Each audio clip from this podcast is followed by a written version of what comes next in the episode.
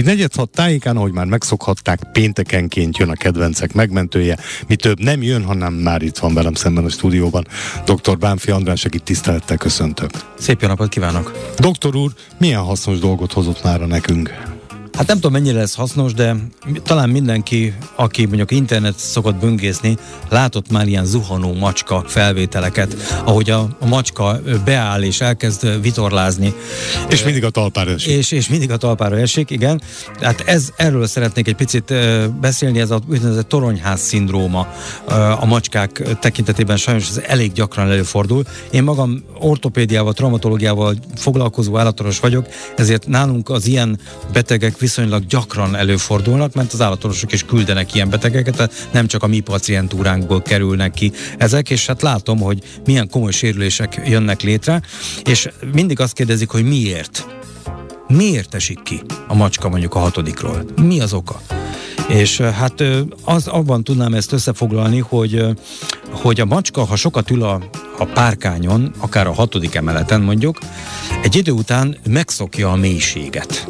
Tehát mánál neki nem lesz olyan, olyan riasztó, hogy alatta ott egy tátongó mélység van, ez egyik része a dolognak.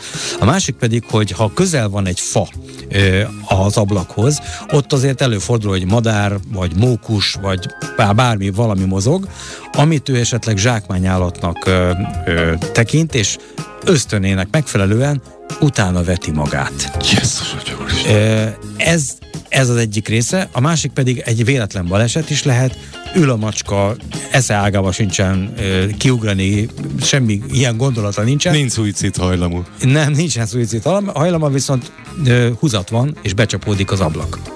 És kilöki. Ő. Ott ül a párkányon, és az ablak mögötte becsapódva kilöki, egyszerűen lelöki uh-huh. a párkányról. És hát olyankor jön a zuhanás. És hogy ez a bizonyos befordulás és vitorlázás, és ugye mindig talpra esik, ön is mondta, ön is tudta ezt, ez hogyan következik be úgy, hogyha az első és harmadik emelet között történik ez a baleset, akkor nagy valószínűséggel nem tud még befordulni és talpra esni. Tehát akkor olyankor fejre eshet, bárhogy, fenekére eshet, bárhogy. Ennek a prognózisa nem túl jó. Érdekes módon, ahogy az emeletek száma nő, úgy egy kicsit nő a javulási, javul a prognózisa is. Tehát mondjuk a második és az ötödik emelet, a hatodik emelet között már föl tudja venni ezt a vitorlázó pozíciót, és bizony nagyobb eséllyel éli túl, mint hogyha a, csak a második emeletről esett volna ki. De aztán természetesen van egy olyan emelet szám, mondjuk ötödik emelet fölött, nyolcadik, kilencedik, ott már olyan, olyan ö, magasságról beszélünk, és olyan nagy a, a becsapódási erő, hogy ott már, ott már hiába, hiába, hiába vette föl a, a vitorlázó pozíciót szegény. Tehát ö, ö, ami még nagyon fontos, hogy, hogy hova esik szegény. Nagyon fontos. Ha egy fás, bokros ö, talajra esik, az sokat tud fékezni. Nyilván, Nyilván igen. sok sérülést is okoz, de meg, meg tompítja. meg tompítja az ütést, és megóvja esetleg a, a fatális kimenetelő ö, kimeneteltől. Ha Ö, a legrosszabb az, hogyha betonra esik, de sőt a legrosszabb az, hogyha beton lépcsőre esik. Gyakorlatilag a lépcső az, az a biztos ö, gerinctörés. Tehát azt nem lehet megúszni hogyha ö, ezt most már tisztáztuk, a, akkor érdemes arról beszélni, hogy milyen sérülések jöhetnek létre. Ugye ez a nagyütés a, a úgynevezett parenyhímás szervekben rázkódást okoz. Ilyen a máj, ilyen a lép, a vese, akár a szívizom is, maga a tüdő is ö, ilyen. Ezek súlyos ö, sérüléseket szenvednek, apró pici vérzéseket szenvednek, ö, ezt vagy túléli, vagy nem. Vagy, vagy van tünete, vagy nincs. Vagy olyan, olyan minimális mértékű, hogy nem tünetes, vagy már olyan, hogy már tünetes, de túléli. Tehát sokféle variáció lehetséges.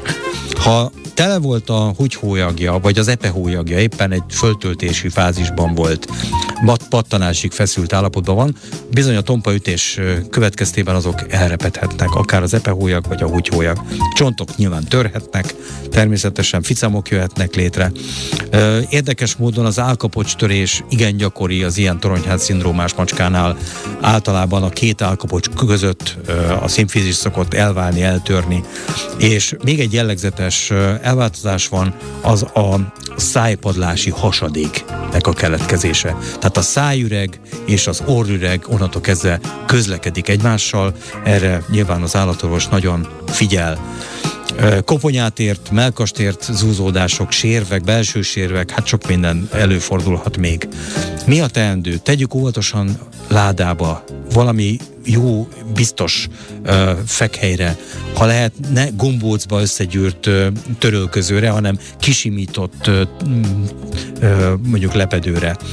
Uh, minél hamarabb természetesen vigyük, vigyük állatorvoshoz, mert itt az idő is nagyon számít. Hogyha csak másnap, harmadnap találjuk meg a kizuhant macskánkat, és súlyos a sérülése, az nagy valószínűséggel el fog pusztulni. Mm.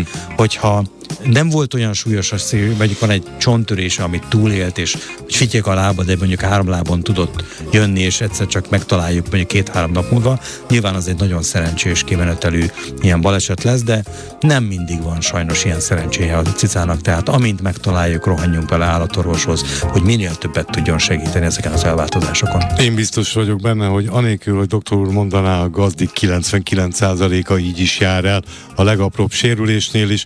Dr. Bánfi Andrást, a kedvencek megmentőjét hallották, hallottuk, doktor úr. Köszönöm, és már az egy hétre várom vissza. Rendben, viszont hallásra. Minden jót.